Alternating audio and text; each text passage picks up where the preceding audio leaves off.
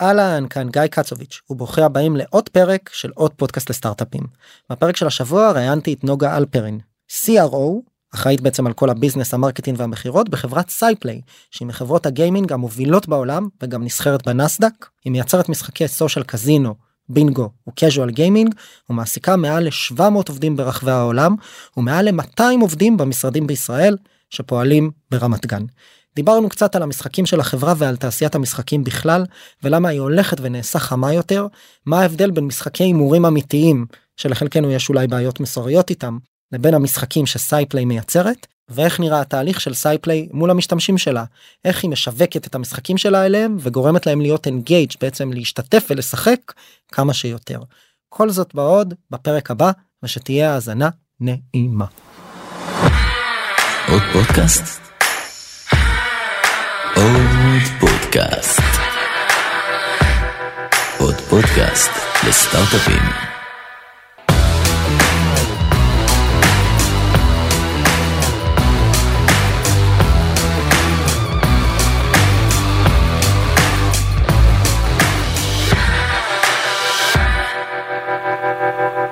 נוגה, היי, היי מה קורה בוקר טוב בוקר טוב.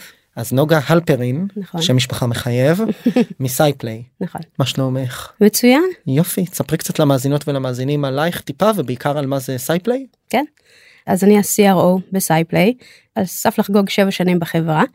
ואני אספר קצת על SciPlay, SciPlay זו חברה, חברת משחקים אמריקאית, ציבורית בנסדק, שקמה לפני כבר אה, 26 שנה בתור חברה שעשתה משחקים ב-CD רום, חלק מהמאזינים בטח יודעים מה זה וחלק אולי לא, אה, ולאט לאט התפתחה עם השנים לווב ואז למובייל, אה, כשהיום אה, אחת החברות סושיאל קזינו הגדולות בעולם, שאנחנו מתרחבים ככה בשנתיים האחרונות גם לתחומי הקאז'ואל. יש לנו משרדים בארצות הברית ובישראל ובפינלנד וטורקיה ולאחרונה גם רכשנו חברה בתחום ההייפר קאז'ואל אז ככה אנחנו מאוד מאוד uh, חזקים באמת במגמה שלנו להמשיך את הצמיחה האדירה שהייתה לנו בשנים האחרונות כשהמשרד בארץ uh, באופן uh, מפתיע הוא, הוא המשרד הכי גדול שלנו אנחנו. מובילים מאוד בתחום הסלוטס שזה התחום ש, שממנו החברה התחילה. זה ככה בגדול. קצת מספרים כותרים את יכולה לתת כמה משחקים שעשיתם שמייצגים את החברה קצת אה, מבחינת אה, כמות משתמשים כמה יוזרים יש לכם בכותרים שלכם או across כן. אז אה, לסבר את האוזן מה שנקרא המשחקים הכי גדולים שלנו הם Jackpot Party, Quick Hit Slots, Goldfish Casino, משחקים שאתה בטח פחות מכיר, הם פחות מדברים לקהל הישראלי. עם רכישה שעשינו את תקופת הקורונה של חברה ישראלית שקראו לה come to play, אה, נכנסנו גם, זו הייתה בעצם הכניסה הראשונית שלנו לעולם הקאז'ואל, ואז בעצם נכנסנו גם למשחקים שיותר מדברים לישראלים כמו אה, ששבש וסוליטר שאנחנו לקראת אה, השקה. מבחינת משתמשים יש לנו סביב ה-8 מיליון משתמשים בחודש, וואו. ממשיכים לצמוח משם. אני רוצה שנייה לפני שנעשה איזה דאבל קליק גם על החברה ועל הפעילות ואולי גם עלייך ועל המסלול קריירה שלך רק רגע שיהיה לנו שפה משותפת עם המאזינים שאולי לא כולם מכירים את עולם המשחקים הזכרת פה כמה ביטויים casual hyper casual וגם social קזינו נכון עבור הרבה מאזינים זה קופץ אינטואיטיבית הנושא של social קזינו מה הם עושים הימורים. אז אם תוכלי להסביר קצת אה, על הקטגוריות ומה ההבדל בין כל אחת מהקטגוריות שנייה כדי שיהיה לנו שפה משותפת ואז נוכל לצלול פנימה. בטח. אז סושיאל קזינו זה עולם של משחקים שנקרא free to play שבעצם אנשים אה, משחקים את המשחקים האלה כמו כל משחק אחר שאני בטוחה שאנשים פה מכירים match 3 games כמו candy crush candy crush אגב זה תחת אה, קטגוריית הקאז'ואל אבל זה משחקים שאנשים משחקים לשם הכיף ההנאה להעביר זמן מאוד דומה לזפזפ אה, ולראות טלוויזיה אנשים משחקים משחקים אם זה בבית או, או בחוץ בדרך כלל במובייל כשבעצם כל כמה שעות מקבלים uh, כסף על חשבון הבית ואפשר לשחק uh, ככה חינם רוב המשתמשים הרוב הגדול יותר מ-90% מהמשתמשים לא יקנו אף פעם אה, לא יוציאו כסף לא אמיתי יוציאו, מהכיס. לא יוציאו, כן, לא, לא יבחרו לא לקנות את ה-virtual coins שיש במשחק, ואלה שיבחרו לקנות זה יהיה בשביל להאריך את זמן המשחק שלהם, או לשחק באמת בוולטיליות יותר גבוהה, אה, זה בעולם של, של הסושיאל קזינו, כשבאמת אה, זה אנשים שלא מספיק להם הזמן.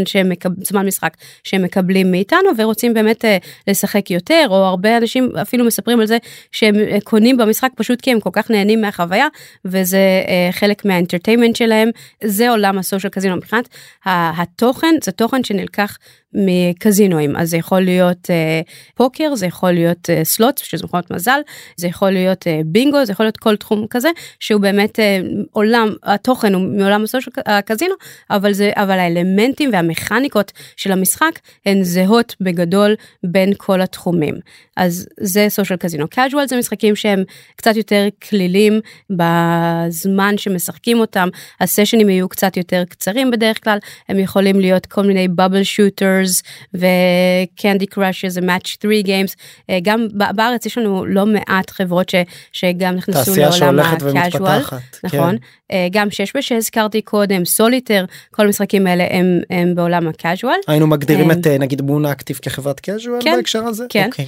שיש להם גם קצת אלמנטים מהסושיאל קזינו אבל בעיקרון זה משחקי casual ואם אנחנו מדברים על הייפר casual זה משחקים שלקחו את ה-casual לאקסטרים קצת זה משחקים שממש משחקים בדרך כלל כמה סשנים ומוחקים את האפליקציה מהטלפון אה, הסשנים בדרך כלל גם יהיו קצרים יחסית יש כאלה שמגדירים אותם כמשחקי שירותים אז זה ככה קצת עוזר להבין את הרעיון. משחקי שירותים לא as in services משחקי שירותים as in uh, washroom או restroom. נכון נכון אוקיי. של באמת משחק שאתה משחק משהו קצר. ככה לשם השעשוע בדרך כלל הקהל גם קצת יותר צעיר בהייפר קאז'ואל תראו כדורים קופצים ש... שמנסים להעביר אותם במסלול נגיד אה, זה זה יהיה קאז'ואל. תגידי יש לי פה שאלה מה control מלך הפלאפל את זוכרת את המשחק web הזה שאת אה, מנהלת דוכן אה, פלאפל ואת צריכה. להכין כדורים זה casual? תלוי ממש במשחק אני לא זוכרת ספציפית את, ה... את האחד הזה אבל זה יכול להיות casual וזה יכול להיות גם hyper casual תלוי איך יבנו את המשחק. ההפקה מאוד מודה לך על זה אני רוצה רגע אני רוצה רגע לעשות double click אז באמת על הקטגוריות ועל ה business עצמו ואולי גם להגיע קצת אה, אה, לתפקיד שלך ובכלל לדבר על התעשייה. באמת בכל מה שאת מתארת יש פה מוצרים גם בעולמות ה social casino וגם ב casual וה hyper casual נראה לי שמה שאפשר להבין זה שיש פה חברות שמייצרות חוויה משחקית מאוד כיפית מאוד מהנה. אני מניח שגם וצריך לדבר על הפיל שבחדר דיברנו על זה גם לפני הפרק גם מאוד ממכרת. בהקשר הזה הרבה פעמים הרבה אנשים מסתכלים על זה בטח ובטח בשוק הישראלי באיזושהי ראייה ראייה שיפוטית או ראייה ביקורתית. קצת מהזווית שלך כשהגעת לתעשייה זה משהו שפגש אותך איך איפה איפה איפה זה פגש אותך לפני שנכנסת ואיפה זה פוגש אותך היום.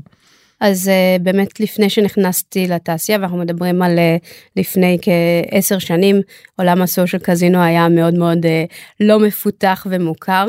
פלייטיקה היו די השחקן ה- היחיד בארץ כשפנה אליי מי שהיה המנהל שלי בעבר והציע לי להצטרף לפלייטיקה התשובה הראשונה שלי הייתה לא תחום ההימורים זה ממש ממש לא בשבילי ורק אחרי שהוא ישב איתי והראה לי את המשחקים והסביר לי את המכניקות רק אז הבנתי ש, שבאמת עולם הסושיאל קזינו הוא, הוא לגמרי לגמרי אה, עולם של של גיימינג של של casual של, אה, של של משחקים של play for fun אה, ומאוד מאוד מאוד שונה מכל עולם הריל מאני וההפרדה הזאתי אה, היא הפרדה מאוד משמעותית. ריל מאני סליחה שאני קוטע זה מה שנקרא הימור- בוא נקרא לזה בחוויה האינטואיטיבית של המאזין או המאזינה הממוצעים זה וגאס לצורך העניין. נכון ללכת ממש. לקזינו לקחת כסף. כן. לקנות צ'יפים וללכת ולהשתמש בכסף הזה כדי להמר. נכון, וההבדל זה- המשמעותי הוא האם כן. אתה יכול to cash out, האם בסוף, בסופו של יום Mm. אתה יכול לראות כסף חזרה.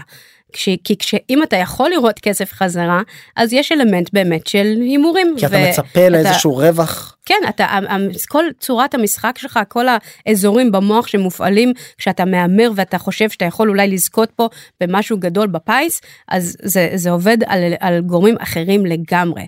אה, אגב, אנשים שהם באמת מהמרים רציניים בקזינו ומה שמעניין אותם והריגוש שלהם בא מה, מההימורים, הם בדרך כלל לא שחקני סושיאל קזינו, כי אין להם את זה. זאת אומרת זה לא הם, הם לא יכולים לזכות בשום דבר הדבר היחיד שהם יכולים לזכות בו זה בעוד זמן משחק. או בעוד מטבעות וירטואליים. שייתנו להם ב... עוד זמן משחק. כן. הם לא יכולים את המטבעות הווירטואליים האלה להמיר לכלום אז יש לזה אפס משמעות בעולם האמיתי.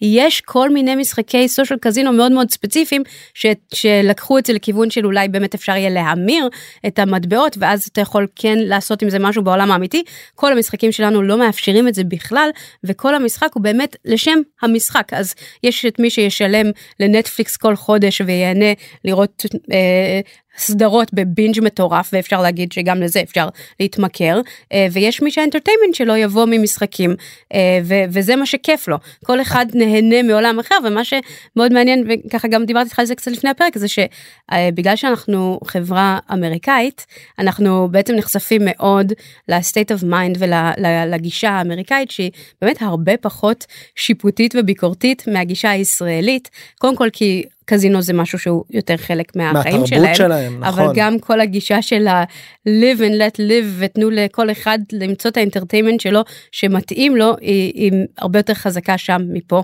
ולכן זה נורא מעניין לנהל איתם את השיחות האלה כי הם בכלל לא רואים את, את הצד היותר ביקורתי ושיפוטי שיש פה בארץ. מה שנקרא mind your own business אני אני מודה שאני שומע אותך ואני קיבלתי פה פרספקטיבה חדשה אפילו עבורי בתור מישהו שאגב כגילוי נאות מושקע בחברת uh, casual חברת סטארט-אפ בשם InPlay Labs בכל זאת תמיד התפיסה היא שהחוויה היא חוויה ממכרת ועל גבי ההתמכרות וה engagement uh, עושים monetization על היוזרים.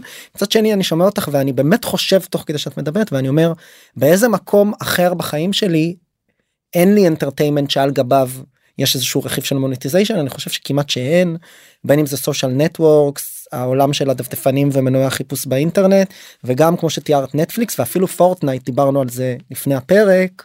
את יודעת משחקי A class כאלה שעושים מאות מיליונים מיוזרים שקונים סקינים זה בסוף אה, איזשהו דרך אה, לייצר engagement מול שחקנים כדי לאפשר להם לקנות או, או להוציא כסף על גבי המשחק אז במובן הזה אני באמת אומר זה טיעון טוב אני אני מוכן מוכן לקבל אותו מה שנקרא. אז אחרי שדיברנו קצת על זה אז באמת אז באמת אולי נדבר קצת על SciPlay עצמו אם אולי תוכלי לתאר קצת את החברה יותר לעומק כמה עובדים אתם אתם בסוף פה site ישראלי נכון? של חברה אמריקאית. נכון. איך זה נראה בעבודה אל מול ה headquarters איך זה נראה בתקופה הזו כשאנחנו נמצאים בתנאי שוק ככה מאתגרים בטח ובטח כשאתם חברה ציבורית איפה כל זה פגש אתכם. כן. אה, אז רגע אולי עוד כמה מילים על SciPlay. מבחינת סדר גודל של החברה אה, עובדים בערך 800 איש בחברה בכלל אה, קצת יותר מ-200 בארץ מבחינת revenue לא הזכרתי קודם. ככה אני יכולה לדבר על מספרים של שנה שעברה סגרנו את השנה על יותר מ-600 מיליון דולר זה ככה מבחינת הגודל. והחברה היא זאת אומרת כל ההנהלה הבכירה חוץ ממני יושבים בארצות הברית. אז ככה חברה מאוד אמריקאית רוב העובדים יושבים בארצות הברית אבל פשוט זה בגלל שזה בכמה סייטים שונים אז כן ציינתי שהמשרד הכי גדול יושב בארץ. מה שמעניין זה שאנחנו בניגוד לחברות גיימינג אחרות אנחנו המשחקים יושבים ממש כיחידה אורגנית. אז בארץ יש לנו כמה משחקים שיושבים פה אז כל, ה, אז כל המשחק כל... מקצה לקצה מנוהל פה? כן המשחק okay. אוקיי. כן אז ממש כל אנשי הפיתוח ה art המוצר ה-QA הכל הכל הכל יושב פה התחום היחיד שהוא ככה מחוץ לחברה זה התחום של ה-growth של ה marketing שמחוץ למשחק התכוונתי אה, ש, אה, שזה centralized וגם יושב בארץ אה, בעצם בתקופת הקורונה שזה התחום שאת אחראית עליו זה אחד התחומים שאני אחראית נכון אז בעצם זה אחד זה תחום שבתקופת הקורונה דווקא באמת אז שינינו את המודל והפכנו את זה להיות uh, centralized והעברנו את הכל לישראל תוך כדי זה שעבדנו מהבית ועשינו את הכל uh, באמת מרחוק זה היה שינוי מאוד מאוד משמעותי. uh, וזה גם מה שהפך את המשרד פה להיות המשרד הכי גדול כי גייסנו הרבה מאוד אנשים בארץ. והמשחק השני הכי גדול שלנו בחברה גם יושב בארץ. אז ככה יש נוכחות מאוד גדולה פה למשחק קוראים קוויקי צלוט ומבחינת ה... אה. משרד ישראלי בחברה אמריקאית יש, הר... יש הרבה מאוד הבדלים יש הבדלים אה, מבחינת אה, הציפיות של עובדים בארץ לעומת ציפיות של עובדים בארצות הברית בארץ אגב הציפיות הרבה יותר גבוהות. ציפיות למה ציפיות שכר? לא לא רק מבחינת ציפיות שכר ציפיות מ... אה, מאיך איך אה, יום במשרד נראה. אה, כן מה ההבדל למשל מעניין. בארץ אה, בעצם אה, ככה אני אתן לך דוגמה אם אתה הולך למשרד שלנו בארצות הברית אז יש vending machine ואתה יכול לקנות לעצמך אה, קולה. אה, בארץ רוצים שזה יהיה במטבחון. הציפייה, כן בדיוק ש, שיש שתייה חופשית שיהיה יותר מפנק אה, בעיקר בתחום שלנו שהוא תחום מאוד תחרותי ו, אה, ומאפשר. אמ, וככה אם מדברים על הייטקס אז אז זה לא פסח על עולם הגיימינג. אני חושבת שאנחנו בתור חברה אה, אמריקאית אה, כן שמרנו על, אה, על משהו מאוד שפוי אבל אבל יש את הפערים האלה בין הציפיות בארץ לציפיות בארצות הברית וזה משהו שצריך להתמודד איתו. ועכשיו גם בתקופת המשבר אז כן מרגישים את זה יותר בארצות הברית מאשר בארץ וזה זה התחיל שם עוד זאת אומרת אני, אני חושבת שאולי עדיין לא לגמרי הגיע אלינו אבל בעצם זה גורם לזה שאנחנו צריכים יותר להתאים את עצמנו גם למצב בארצות הברית ולראות את הדברים דרך העיניים של, אה, של מה שמתחיל כבר לקרות שם. אז כחברה ציבורית באמת שכבר רואים את ההשפעה על מחירי המניה ורואים את ההשפעה של השוק הציבורי על כל החברות במה שנקרא קטגוריית הטכנולוגיה mm-hmm. ובכלל איזה שינויים אתם עושים או לא עושים כדי uh, להתמודד עם המצב. כן אז קודם כל אני, אני חשוב לי לציין שדווקא בגלל מה שדיברתי עליו עכשיו שאנחנו התנהלנו בצורה מאוד uh, שפויה ואחראית גם כל תקופת ההייפ אז מחיר המניה שלנו מאוד יציב וצריך תמיד לעשות טפו טפו טפו כשאומרים דבר כזה. לגעת בעץ. בדיוק um, אבל אבל אנחנו באמת לא חווינו את מה שחברות אחרות בארץ חוו אה, מבחינת אה, נפילות של אה, מחיר המניה ועיבוד ערך של חברות.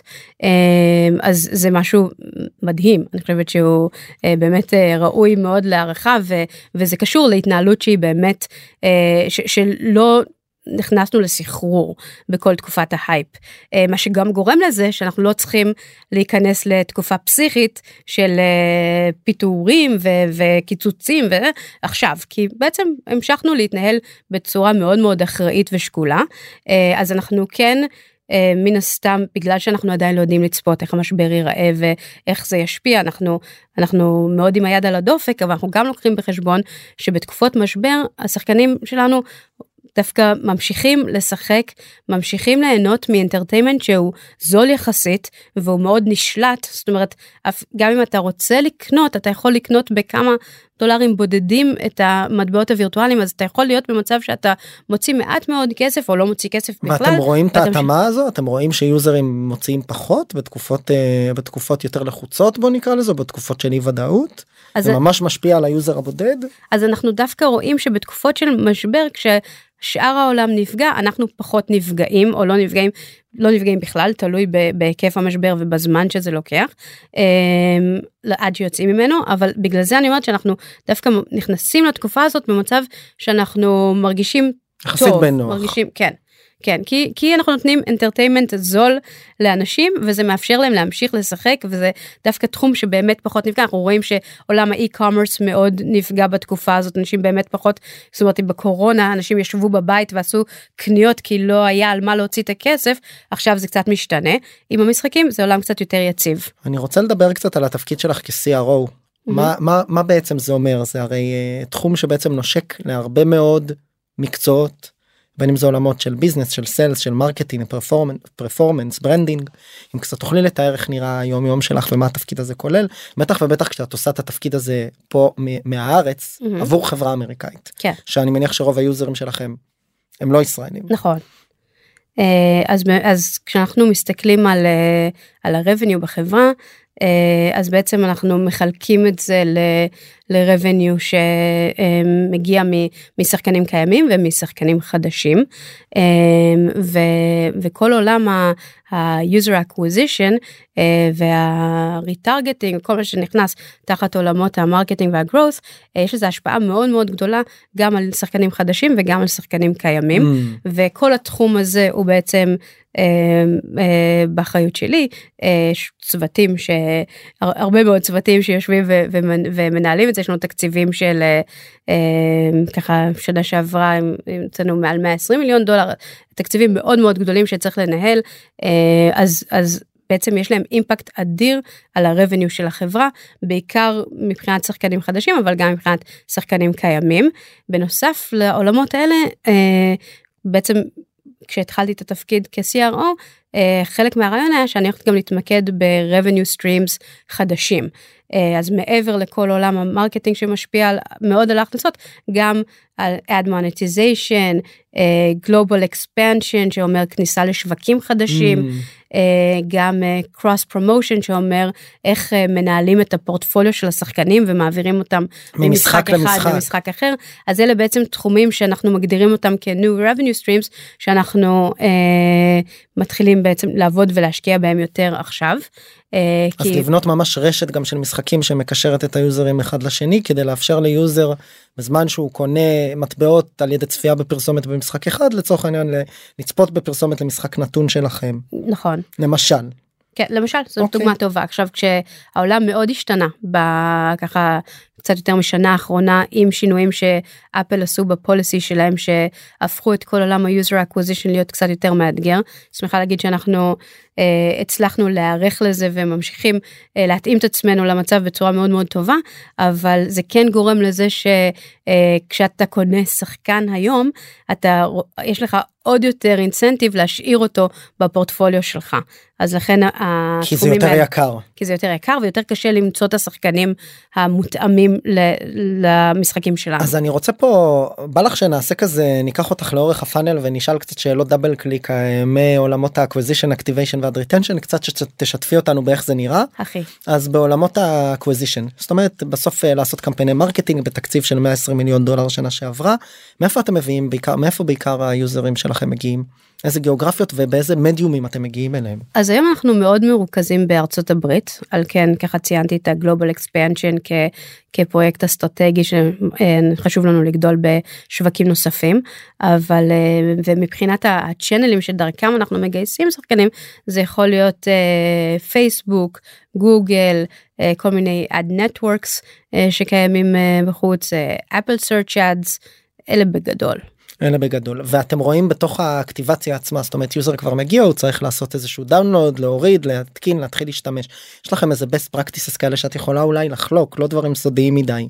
איך אתם גורמים בסוף ל user בעולמות ה-B2C אחרי שהוא מגיע לכם באמת להיכנס ולעשות את ה-first moves בתוך משחק נתון. זה משהו שהוא ממש ברמה המוצרית זאת Mm. אומרת אתה רוצה לתת לו את החוויה הכי חלקה אה, ברגע שהוא נכנס למשחק והסשן הראשון הוא מאוד מאוד חשוב אה, זה גם מבחינת. ה tech של אה, להוריד את האפליקציה. כמה זמן לוקח להוריד את האפליקציה? כמה זמן אחרי שהורדת אותה לוקח לפתוח את האפליקציה? ואיך תראה החוויה ברגע שהאפליקציה תעלה? ו- ופה זה עולם של A-B testing כמה שיותר לנסות ולנסות את כל, פעם אה, גישה שונה שיטה שונה. כמובן אתה אה, מסתכל על מתחרים אתה רואה מה הם עושים ואתה מנסה לקחת מזה ולשפר ולהריץ המון המון המון טסטים. אה, במשחקים כמו שלנו שמדובר על אה, על מסה מאוד גדולה של שחקנים אפשר להריץ טסטים כאלה ולקבל תוצאות מאוד מאוד מהר. אז יש פה איזה סיפוק מיידי כזה שאתה אה, מקבל פידבק מהקהל שלך ממש בר... תוך ימים כן. ואז אתה יכול כל הזמן לשפר את החוויה אבל באופן עקרוני כשמסתכלים על פאנל כזה אה, של אה, של שחקנים שמורידים את המשחק פותחים את האפליקציה משחקים ביום הראשון ככל שתשפר את החלק העליון של הפאנל ככה גם מן הסתם אה, ההשפעה תהיה על ההמשך אז אז ככל שאתה עולה בפאנל אתה צריך להיות יותר מדויק אה, ו- ומאופתם מבחינת איך שאתה עושה את הדברים כי תהיה לזה השפעה ממש על, נכון. על העתיד. ואנחנו רואים הרבה יזמי אה, B2C וסטארט-אפים בעולמות ה-B2C שבאמת בונים את כל המוצר ואת כל ה flow מקצה לקצה ומדמיינים איזשהו engagement מתמשך של ה user בלי שהם דאגו בכלל לחלק הראשון ל top of the funnel באמת לראות שהוא בכלל הגיע הגיע לפרסומת לחץ הוריד את האפליקציה מהמם. ואז בסוף עשה את ה-first move בין אם זה לא יודע to log in to sign in to to press play on the first session כאילו דברים הכי בסיסיים מהמם. אז זה עיקר הפוקוס שלכם גם היום בהקשרים האלה אני מבין. כן אנחנו חלק מהמשחקים שלנו כבר נמצאים בשוק אה, מעל 10 שנים אה, או נגיד כמו ג'קפוט פארטי והם שנים שנים בשוק אז אז הם כבר די אה, פיצחו את, ה, את ההתחלה הזאת את מה שאנחנו קוראים פתוי first time user experience שזה זה בעצם נמתח גם על יותר מסשן אחד זה כולל את הכניסה של השחקן למשחק את הקונטנט שהוא רואה כשהוא נכנס את החוויה מבחינת פופ-אפים והודעות שהוא מקבל מהמשחק זאת אומרת איך אתה מצד אחד אה, נותן לו חוויה שהיא מאוד חלקה ו- ואתה לא מעמיס יותר מדי מידע אבל כן נותן לו להבין שהוא נכנס למשהו מאוד מאוד עשיר מבחינת תוכן יש, יש. כללים לזה יש איזה שהם בנצ'מרקים איזה שהם best practices לאיך גו- למה צריך לקרות בהיי לבל בחוויה כזו כדי שהיא תהיה טובה. המשחק ירד מהר יש לוגין אין לוגין אני, מה, אני צריך להעביר אותו איזשהו flow ספציפי מה מהניסיון שלך. אז כן, זה, זה כן מאוד משתנה בין קטגוריה לקטגוריה. יש נגיד קטגוריות שהשחקנים מגיעים וכבר מכירים את, ה, את הדריל, ואז אתה לא רוצה להעמיס עליהם יותר מדי מבחינת טטוריאלס uh, ומבחינת uh, uh, מידע, אתה פשוט רוצה לתת להם ישר להיכנס לשחק. למשחק ולחוות, uh, שזה מאוד העולם ש, של הסלוטס למשל, זה, זה מאוד כזה, אתה לא תראה באף אחד מהמשחקים שלנו משהו כבד כזה ומעמיס על איזה ההתחלה, פשוט ווקמי נותן- כזה. כן, פשוט נותנים לשחקנים אה, לחוות ולגלות לבד שזה אגב משהו מאוד מגניב ששחקנים אוהבים הם, הם כן אוהבים תוך כדי חוויית המשחק ללכת ופתאום לגלות בעצמם.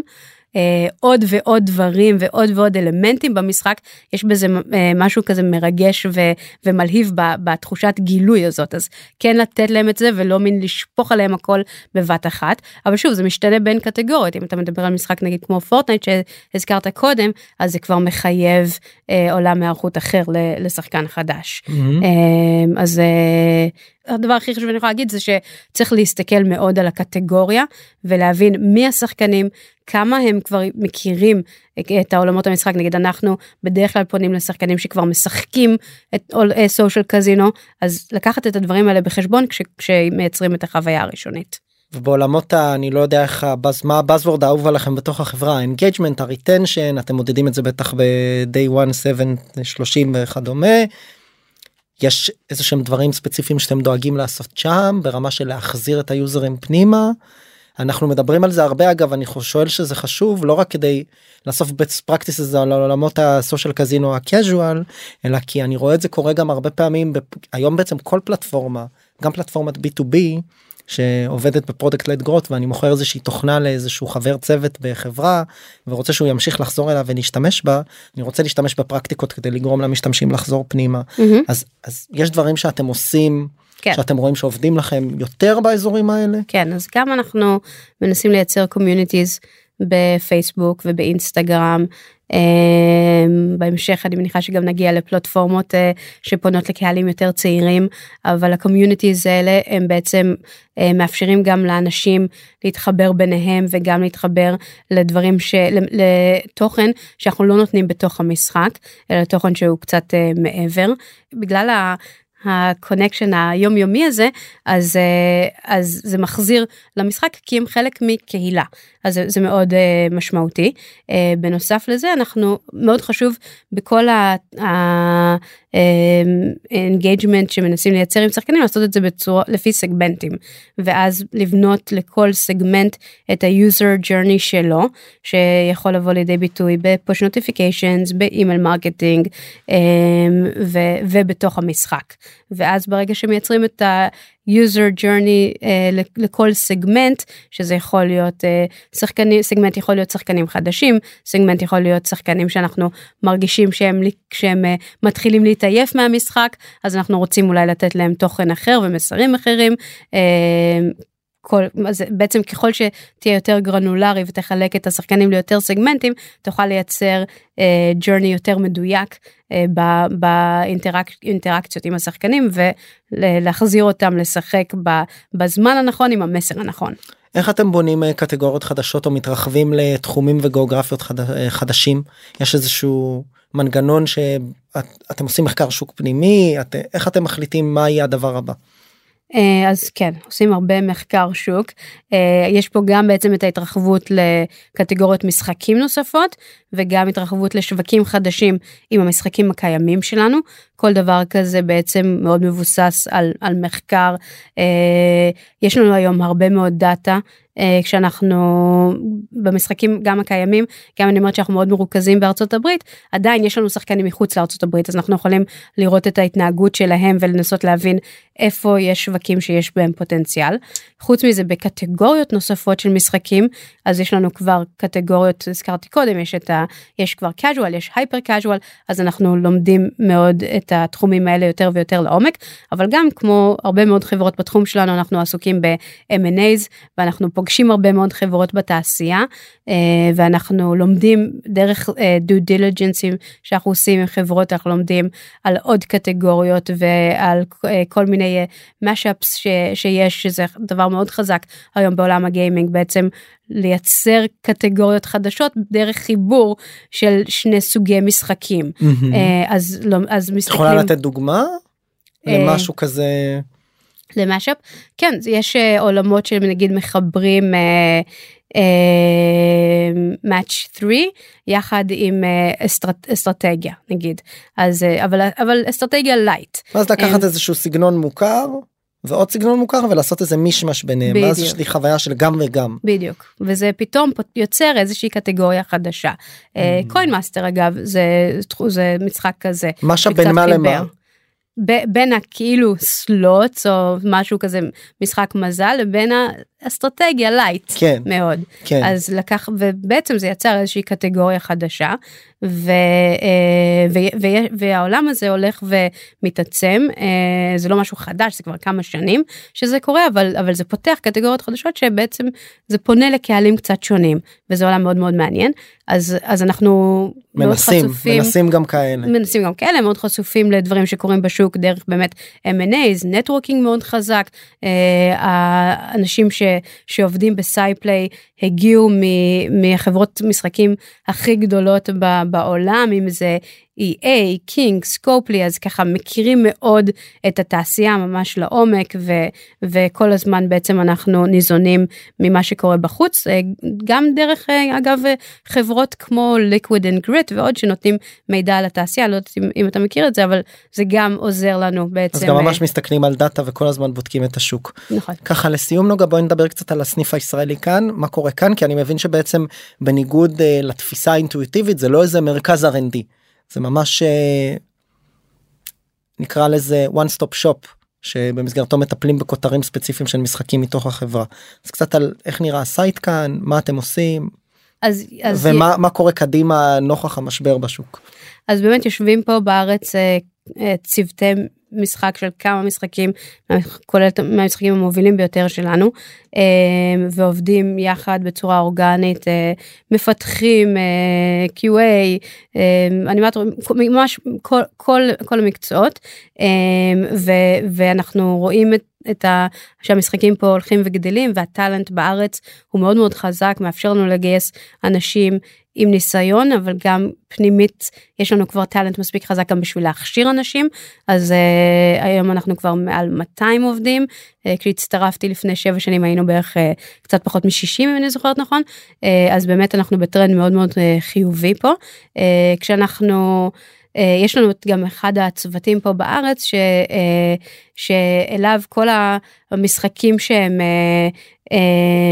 שנקרא Game Hub, שכל המשחקים הגדולים שלנו שאנחנו בעצם מרגישים שהם, אה, שהם סיימו את הצמיחה המטורפת שלהם ועכשיו הם נכנסים לצמיחה אבל קצת יורדים בקצב הצמיחה, אנחנו מכניסים אותם תחת אה, Game Hub שפשוט לאט לאט הולך ומרכז אה, הרבה מאוד מהמשחקים שלנו אז יש פה המון המון המון עניין וסוגי משחקים שונים ותפקידים שונים. אנחנו מאמינים שה, שבארץ נמשיך לגדול גם אה, מחוץ לעולם ה... זאת אומרת נמשיך את, את הגידול של ה casual בארץ וגם כל, כל התחום של, של ה marketing פה גדל וגם הוא צובר תאוצה ומתפתח יש פה לנו את ה talentים הכי חזקים בשוק פה בארץ אז אנחנו אנחנו צופים גידול משמעותי שיימשך פה. מדהים. נוגה עוד משהו ככה לסיום לפני שאנחנו מסכמים. לא אני חושבת שכיסינו הרבה. יופי היה לי ממש כיף תודה לך על הזמן. לא, נתראה כשתהיו 600 איש זה נראה לי בקצב הנכון. לגמרי תודה. תודה לך שיהיה אחלה יום. גם לך. חברות וחברים תודה רבה שנשארתם עד סוף הפרק והאזנתם לי. אני מקווה מאוד שהפרק העשיר אתכם ולימד אתכם משהו חדש ואם הרגשתם שלקחתם משהו מהפרק הזה אני ממש אשמח שתשתפו אותו ואת הפודקאסט בכלל כדי שעוד יזמות ויזמים בתחילת הדרך בישראל יוכלו ללמוד על איך להקים ולהתחיל את הסטארט-אפ שלהם. אם אתם רוצות ורוצים לשמוע עוד פרקים אני מזמין אתכם להירשם למעקב כל הלינקים למעקב אחרי הפודקאסט שלנו מופיע ב description וכמובן אתם מוזמנים לפנות אליי או בלינקדאין או באינסטגרם ולספר לי איך נהניתם מהפרק ומה למדתם, או סתם לכל בקשה ותהייה, גם הלינקים האלה מופיעים אצלנו בפודקאסט. תודה רבה ונתראה בפרק הבא.